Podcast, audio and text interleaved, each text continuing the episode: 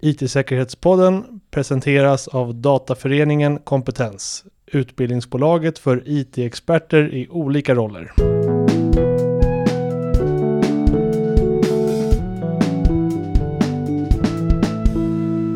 Välkomna till IT-säkerhetspodden. Idag gästas jag av Per-Erik Eriksson som har spenderat imponerande 32 år inom säkerhetsbranschen med fokus på cyber-, informations och IT-säkerhet samt integritet. Från att ha börjat som säkerhetskonsult till dagens roll som senior säkerhetsrådgivare har vår gäst sett och upplevt en hel del. Häng med när vi utforskar säkerhetens värld genom olika perspektiv, filosofi och omvärld med Per-Erik som fortfarande finner glädje och intresse i sitt arbete. Välkomna till IT-säkerhetspodden. Jag heter Erik Salitis. Och jag heter Per-Erik Eriksson. Och tack. Ja, välkommen som sagt då. Ja, vi tar lite bakgrund i dig. Du började 1986 på Televerket som säljare av PC. Hur kom du igång där? Ja, alltså det är en lång historia, men för att, göra, för att försöka göra den hyfsat kort så började det egentligen 1979 på hösten när jag kom hem till mina eh, kusiners bror som eh, jobbade på Janken Minidata och satt hemma i källaren och knappade på och jobbade med en PET 2001-dator. Ah, det är Commodore PET, ja. Den är ju en klassiker. Oh, ja. Och eh, tja, ett halvår senare så köpte jag en sån. Så du, är gammal Commodore-användare? Jag började som Commodore-användare. Ja, då är vi ju grattis och välkommen till klubben då. Aha. Ja, ja, min första var en Commodore 64. Okej. Okay. Ja, jag var alltså modellen innan. Däremot, så en tid senare så tog jag kontakt med eh, Algatronic som sålde Atari hemdatorer. Mm. Och eh, kom ner till Vittsjö och pratade med, jag tror han heter Stenhammar om jag inte missminner mig, Olof Stenhammar. Och skulle börja jobba för Algatronic med eh, Atari-datorer. Så jag fick gå ut på lagret, hämta ut en dator och utrustning och sånt och sen åkte jag hem och lärde mig dem. Och på den vägen blev det. Och så fortsatte det. Hur kom du in på säkerhetsspåret då? Ja, början på 80-talet, BBSer. Mm. Eh, sen var det så här att eh, datavirus, jag började ju som säljare av persondatorer, lokala nätverk och kommunikation på Telia. Eller Televerket hette det ju då. Och där var en del diskussioner om datavirus, vilket jag satte mig in i. Och sen hade jag en del kollegor på Televerket som jobbar med säkerhet och jag kom i kontakt med dem och det ena gav det andra. Så att, eh, vad blir det, 89 så utbildades jag till så kallad telesäkerhetsrådgivare och började jobba med säkerhet. Telesäkerhetsrådgivare var alltså Televerkets variant på säkerhetskonsult. Okay. Informations, IT-säkerhet och eh, slagsida mot telesäkerhet. Okej, okay, vad kan det vara? Ta ett exempel. Vad är telesäkerhet? Eller vad kanske? Ja, det, är bo, det var, men är fortfarande. Till exempel, hur kopplar man upp ett företag mot omvärlden? Så att uh, inte det räcker med en enda grävskopa, att den gräver av förbindelsen. Så det är mer driftsäkerhet då kanske? Bland annat, men även skydd mot avlyssning. Mm. Och intrång och diverse saker. Ja, nu för tiden har du ju många järn i elden. Bland annat driver du en Facebookgrupp. Berätta mer. Ja, den heter Säkerhet, integritet, privacy. Okej. Okay. Och eh, den börjar som mitt anteckningsblock för saker jag hittade som jag tyckte var intressanta. Och som jag då la ut länkar till. Och när jag gjorde det så tyckte jag så småningom att ja, men det här kanske andra har nytta av. Och det ena gav det andra. Så nu har jag några stycken användare på den. Ja, okej. Okay. Det är ganska loj aktivitet, eller är det? Blir det debatter och sånt? Nej, jag tillåter inte debatter utan eh, jag godkänner alla ut, äh, vad heter det, inlägg först. Mm. Äh, sen får de i och för sig gärna debattera, men det brukar innebära en del inlägg, länkar och sånt där. Något eller några inlägg om dagen i snitt kanske. Mm. Och så är du styrelseledamot i Dataföreningen Väst. Vad Stämmer. innebär det? Ja, vad man gör? Allt mellan himmel och jord. Alltså först och främst traditionell styrelseverksamhet med att hålla koll på hur verksamheten fungerar, att, eh, ekonomi och hela de bitarna. Men också att se till eh, hur vi agerar, vad vi gör för aktiviteter och få fart på de sakerna. Och sen titulerar du säkerhetsdinosaurien. Du har till och med en sån hemsida. Hur kom du på det? Det börjar som ett skämt. Ehm, men med lite allvar bakom. Nej, men, det är nog en tre, fyra år sedan. Då hade jag läst en del på LinkedIn. Och det fick mig att göra ett inlägg att så här, det är många som kallar sig för säkerhetsexpert och så vidare. Och vi som har jobbat typ 30 år, vad ska vi kalla oss för? Eh, Ska vi kalla oss för säkerhetsdinosaurier då, eller vad ska vi kalla det för? Och det, ja, det genererar väldigt mycket kommentarer. Jag förstår Och jag tyckte det var roligt, så det ena gav det andra. Så numera har jag alltså först och främst registrerat domännamnet Säkerhetsdinosaurien och Security Dinosaur. Jaha, okej. Jag har även länkat det till min ordinarie webb.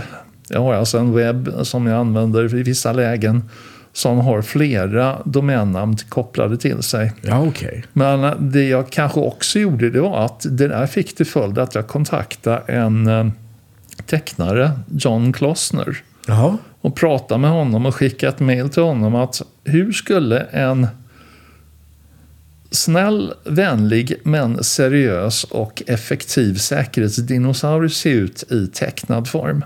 Och då ritar han det. det Han var, ritade ett antal varianter på det. ja, idag så kan man ju be en uh, ChatGPT generera någon bild och sådär. Ja, jag har faktiskt provat det och hittills är jag inte riktigt nöjd med de varianterna. Nej, nej, jag förstår det. Den, är, den blir lite märklig i bakgrunden där. Den fantiserar en del om vad den vill ha på Ja. bilden. Ja, så du har alltså haft en professionell cartoonist som har ritat av dig Japp. som en dinosaurie? Och sen köpte jag loss rättigheterna, fullständiga rättigheter det. Så här assistens gjorde jag en liten kupp. Jaha, Jag pratade med ett, det, med ett företag.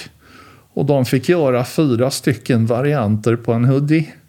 Och Okej. en av varianterna sa jag ingenting till mina kollegor på företaget.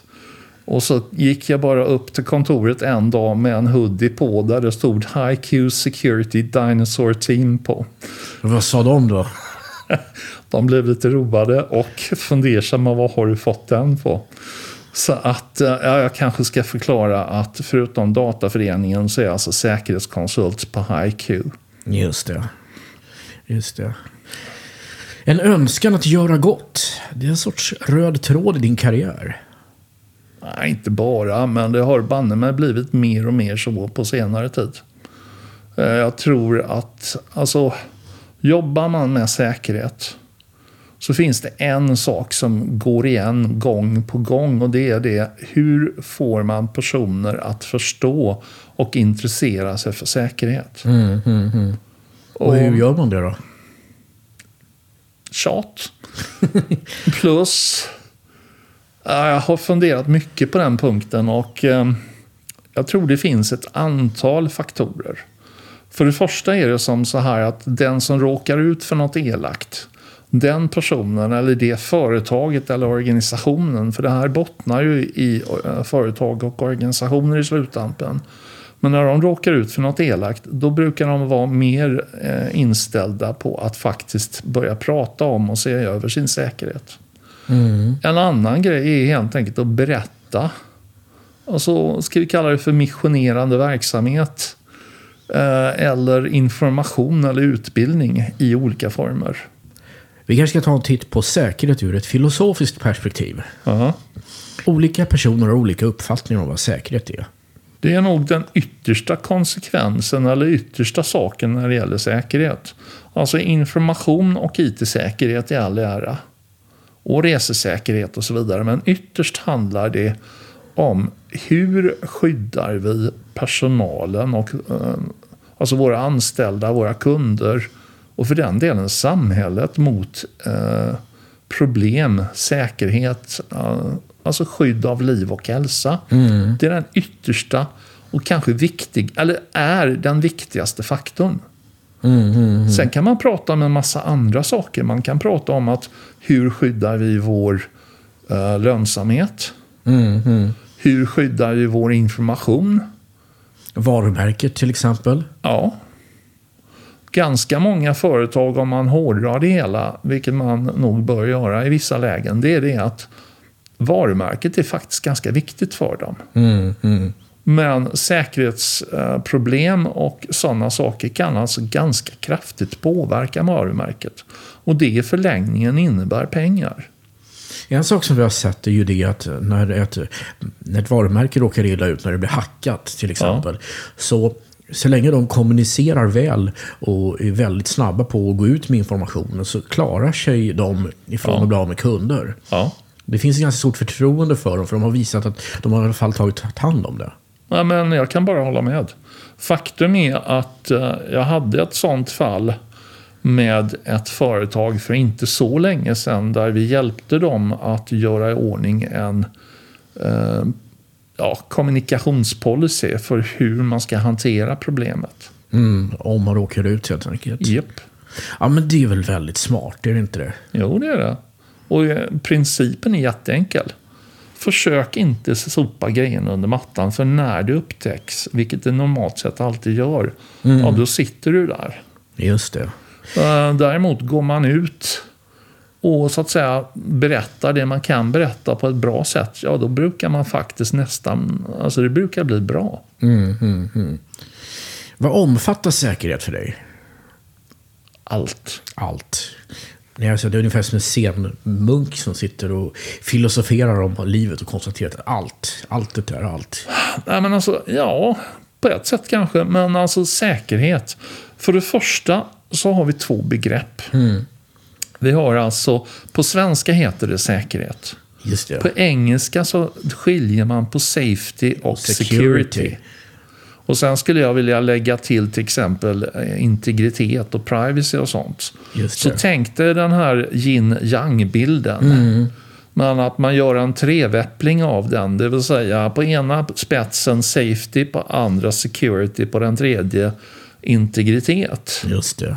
Och då kan man säga att safety, ja det handlar om skydd för liv och hälsa. Det handlar om trafiksäkerhet. Det handlar om resesäkerhet, brandsäkerhet etc. Just det. Men grejen är den att säkerhet i övrigt, om man i det läget lägger in till exempel informations och IT-säkerhet och cybersäkerhet. Ja, alltså då kan man ju säga som så här att informationssäkerhet och IT-säkerhet och de grejerna, de behövs för att man ska kunna uppnå safety. Just det. Så det, säkerhet är inte bara en sak, utan det är ett helt område. Ja, okej. Och om man tar en, det här ur en privatpersons perspektiv, vad får man då? Ganska samma som för ett företag, men på kanske något mer jordnära nivå. För det första så vill vi nog att min fru eller min man eller vem det nu är man är och barnen ska ha en god hälsa och skydda livet och sånt. Sen vill vi kanske inte ha inbrott. Nej, just det. Nej, det Vi vill inte bli lurade så vi blir av med pengar. Mm.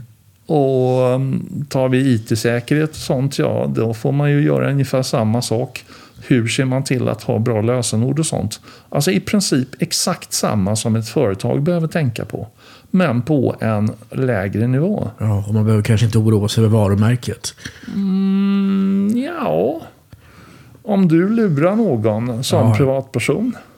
Ja, då, då har jag skadat mitt eget varumärke om det kommer Exakt. fram. Ja, ja. Ja, jo det är sant.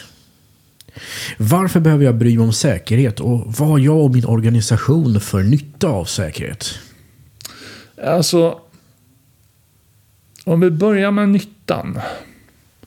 Så finns det ett antal saker. Eh, Och jag skulle säga som så här att en sak de flesta inte pratar så mycket om. Det är hur man kan använda säkerhet som ett konkurrensmedel. Jaha, okej. Det vill säga, hur kan man använda säkerhet för att behålla befintliga kunder och fånga nya kunder? Om man visar på olika sätt att man har god säkerhet, ja då bygger man förtroende. Och vad är det vi som företag eller privatpersoner, vad är det som ytterst gör att vi vill köpa av någon? Ja, det är väl en trygghet att du får en leverans som fungerar. Liksom. Ja, du har förtroende för den du har att göra med. Mm. Så det är ett sätt. En annan grej varför man ska bry sig om säkerhet. Ja, det är helt enkelt som så här att om vi tar till exempel de lagar som EU håller på att instifta just nu. Just det, NIS-direktiv och sådana saker. NIS 2-direktivet och den som börjar bli riktigt aktuell nu precis i de här dagarna, cyberresiliensakten. Jaha, okej. Ehm, Den håller på att klubbas igenom och den kommer innebära att alla som tillverkar programvara eller hårdvara med inbyggd programvara eh, som på något sätt är uppkopplad. Där ställer man alltså på samma sätt som med NIS 2-direktivet väldigt skarpa krav på att det ska vara säker vid leverans. Och det innebär att antingen man säljer någonting i sånt eller man köper så har man intresse av den här biten. Just det. Det är ju intressant. Jag menar, hur håller man koll på det? Tänk om programvaran har hittat hål i programvaran innan man levererar den. Liksom. Ja, Då måste man upptäcka det. Man är skyldig. Alltså när den här lagen träder i kraft. Mm. Och det har den alltså inte gjort ännu, men den börjar närma sig eh, att lagstiftningen är klar. Eh, Och när den träder i kraft så är det alltså som tillverkare Mm.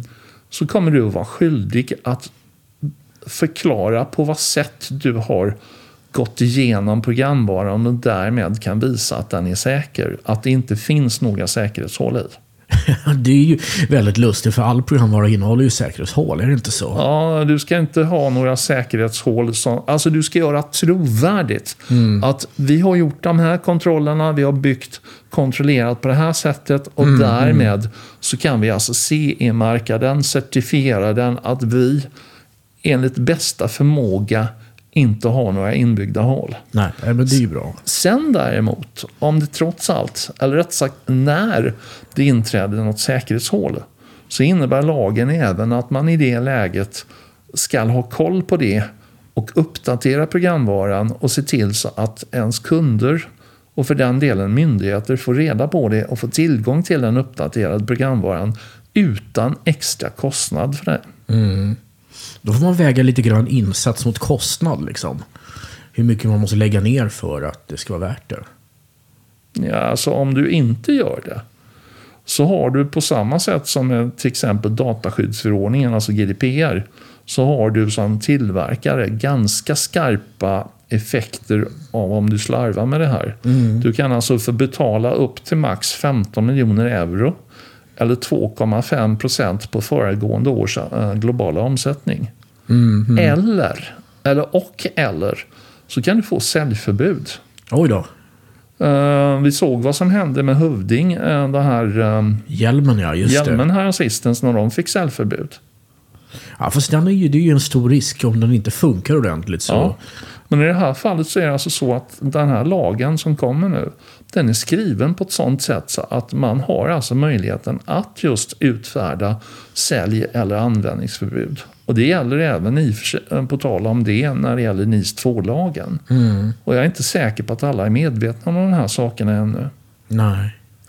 Ja, det är ju intressant. Men om vi tar och talar lite grann om omvärldsbevakning. Ja. Vi kan ta en titt på denna omvärld som vi lever i. Hur ser du på säkerhetsläget just nu? Ungefär som vanligt, det vill säga vi har en massa problem. Sen har vi omvärlden, vi har Rysslands attack på, eh, på eh, Ukraina? Ukraina och diverse sådana saker. Så man kan väl helt klart säga att det förekommer en del mer attacker än vanligt. Men eh, det gäller för företag att vara beredda på att kunna hantera sånt här. Mm, mm, mm. I din roll som säkerhetsrådgivare, har du sett någon förändring hos organisationer de senaste åren? Ja, jag tror faktiskt det. Jag tror att de börjar få klart för sig att säkerhet har vi nytta av och är nödvändigt att göra. Mm, mm, mm. Ehm, Jag märker det på ett sätt och det är det att en del personer har väldigt mycket lättare att få nya jobb inom säkerhet till exempel. Mm, mm. Ehm, Jag har ett fall där jag känner en person som 2010 skulle sluta på ett företag. Och då fick personen i fråga leta nytt jobb i snart ett år. Oj. Eh, däremot de senaste åren så har alltså personen i fråga inte behövt leta jobb utan han har blivit Headhuntad. Jepp. Oj då. Mm. Eh, Och jag tolkar det som att säkerhetspersonal växer inte på, eh, på träd. Plus kanske viktigare att ett företag börjar få upp ögonen för att det här måste vi se om vårt hus på. Mm. Och nu är det ju lagarna som gör att det blir ännu viktigare att följa de här säkerhetslagarna och omvärldsbevakningen och se till att ha koll på. Ja. Berätta lite grann om ditt ideologiska arbete i DF-kompetens. Alltså för det första så är det inte DF-kompetens utan Dataföreningen. Jaha, okej. Dataföreningen är eh, dels Dataföreningen och sen har Dataföreningen ett utbildningsföretag som heter DF Kompetens. Som samarbetar men formellt sett i två skilda saker. Ja, Okej, okej. Eh, jag tillhör Dataföreningen Väst eftersom jag bor i Göteborg. Men eh, det jag gör där och det vi gör det är helt enkelt dela med oss kunskap. Mm. För närvarande så, ja, vi kan ta det jag håller på med. Och det är att jag i maj 2020 startar någonting som eh, vi kallar för Prata säkerhet med oss. Mm. Det är en meet and learn-aktivitet, alltså rena rama Ask us anything. Mm. Eh, Och den har banne mig handlat om diverse olika saker. Så den har körts en gång i månaden. Första torsdagen i varje månad sedan dess. Ja, okej. Och det är ju populärt. Ja, och det börjar bli ganska många som lyssnar på den. Sen dessutom har den eh, fått att den har ynglat av sig eller en del spin-off-effekter. Jaha. Så dagsläget är så här att vi första veckan i månaden på torsdag klockan 10 till 12 så kör vi Prata säkerhet med oss. Mm. Andra veckan, torsdag, då är det Prata Excel med oss. Jaha. Tredje veckan är det Prata GDPR med oss. Och fjärde veckan, det vill säga denna veckan imorgon på torsdag, så är det Prata EU Cyber Resilience Act och NIS 2-direktivet. Okej, men det är inte samma varje, varje, mån, varje vecka så hittar ni på något nytt. Ja, ja, eh, vad som görs, hur, hur det här funkar är att jag brukar hålla i trådarna och så att säga fungera som, eh, eh, vad ska vi kalla det för, programledare eller vad man ska kalla det för. Mm. introducerar ämnet kort. I vissa lägen så är det ett ämne som jag själv tar. Men oftast så hittar jag på ett ämne och eller bjuder in någon intressant person som får prata om det ämnet. Just det. Och så att säga diskutera den, och den biten. Och sen kommer det viktiga och det är helt enkelt det att vi uppmuntrar till diskussion och kommentarer och så vidare. Just det. Så det brukar bli riktigt roliga eh, diskussioner i de sammanhangen. Och det körs alltså som ett webbinarie. Och några av dem ligger utlagda på YouTube på min eh, YouTube-kanal som heter The Security Dinosaur. Resten av grejerna, i stort sett alla är inspelade och kommer att finnas på DFTube. Men för att komma åt den behöver man alltså vara medlem Medlem, i ja. Dataföreningen. Vilket man inte behöver vara för att delta på de här sakerna. Nej, just det. Det är ju öppet för alla helt enkelt. Det är öppet för alla och kostnadsfritt. Ja, ja, ja. Det måste vara väldigt hektiskt för dig. Jag menar, pendlar du mellan Göteborg och Stockholm? Ja, jag pendlar mellan Göteborg och Stockholm, men inte på grund av det. Utan eh, Göteborg och Stockholm pendlar jag tre dagar. Eh, eller tisdag, onsdag, torsdag är det normalt så att jag är i Stockholm. Måndag och fredag jobbar jag hemifrån. Men jag har alltså, jag är ju säkerhetskonsult på HiQ så jag har eh, två kunder. En kund här i Stockholm eh, som gör att jag kommer hit upp och en sen en annan kund i Göteborgsområdet för närvarande. Vad trevligt. Ja, det är kul. Mm. Det är en kul bransch vi har valt. Ja. Vi skulle börja avrunda nu. Ja, Så vad har du på planerna nu då? ja ikväll ska jag flyga hem ikväll. Okej, det är... Men annars planerna privat, när det är ungefär som vanligt. Ehm, jag har mina små hundar, jag har min särbo, Ja. jag har ett hus. Det brukar inte vara några problem när det gäller privat. Sen sitter jag i och för sig ofta och så att säga surfar runt och letar ny information. Mm. Ganska mycket om säkerhet. Ja, jag förstår det. Det är så du Eh, vidareutbildar dig lite Jag grann. kanske inte borde avslöja det men det går nog säkert någon timme eller två om dagen för att så att säga hålla sig ajour. Det är väl inget konstigt. Det är väl eh, det är, det är bra spenderad tid helt Ja. enkelt. Ja, jag får tacka dig Per-Erik Eriksson som har varit med i IT-säkerhetspodden. Tack! Det här avsnittet har gjorts i samarbete med Dataföreningen.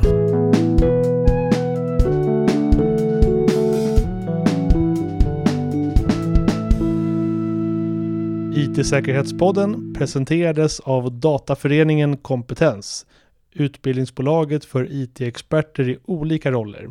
Vi erbjuder vidareutbildningar inom IT-arkitektur, verksamhetsledning, förvaltningsledning och informationssäkerhet.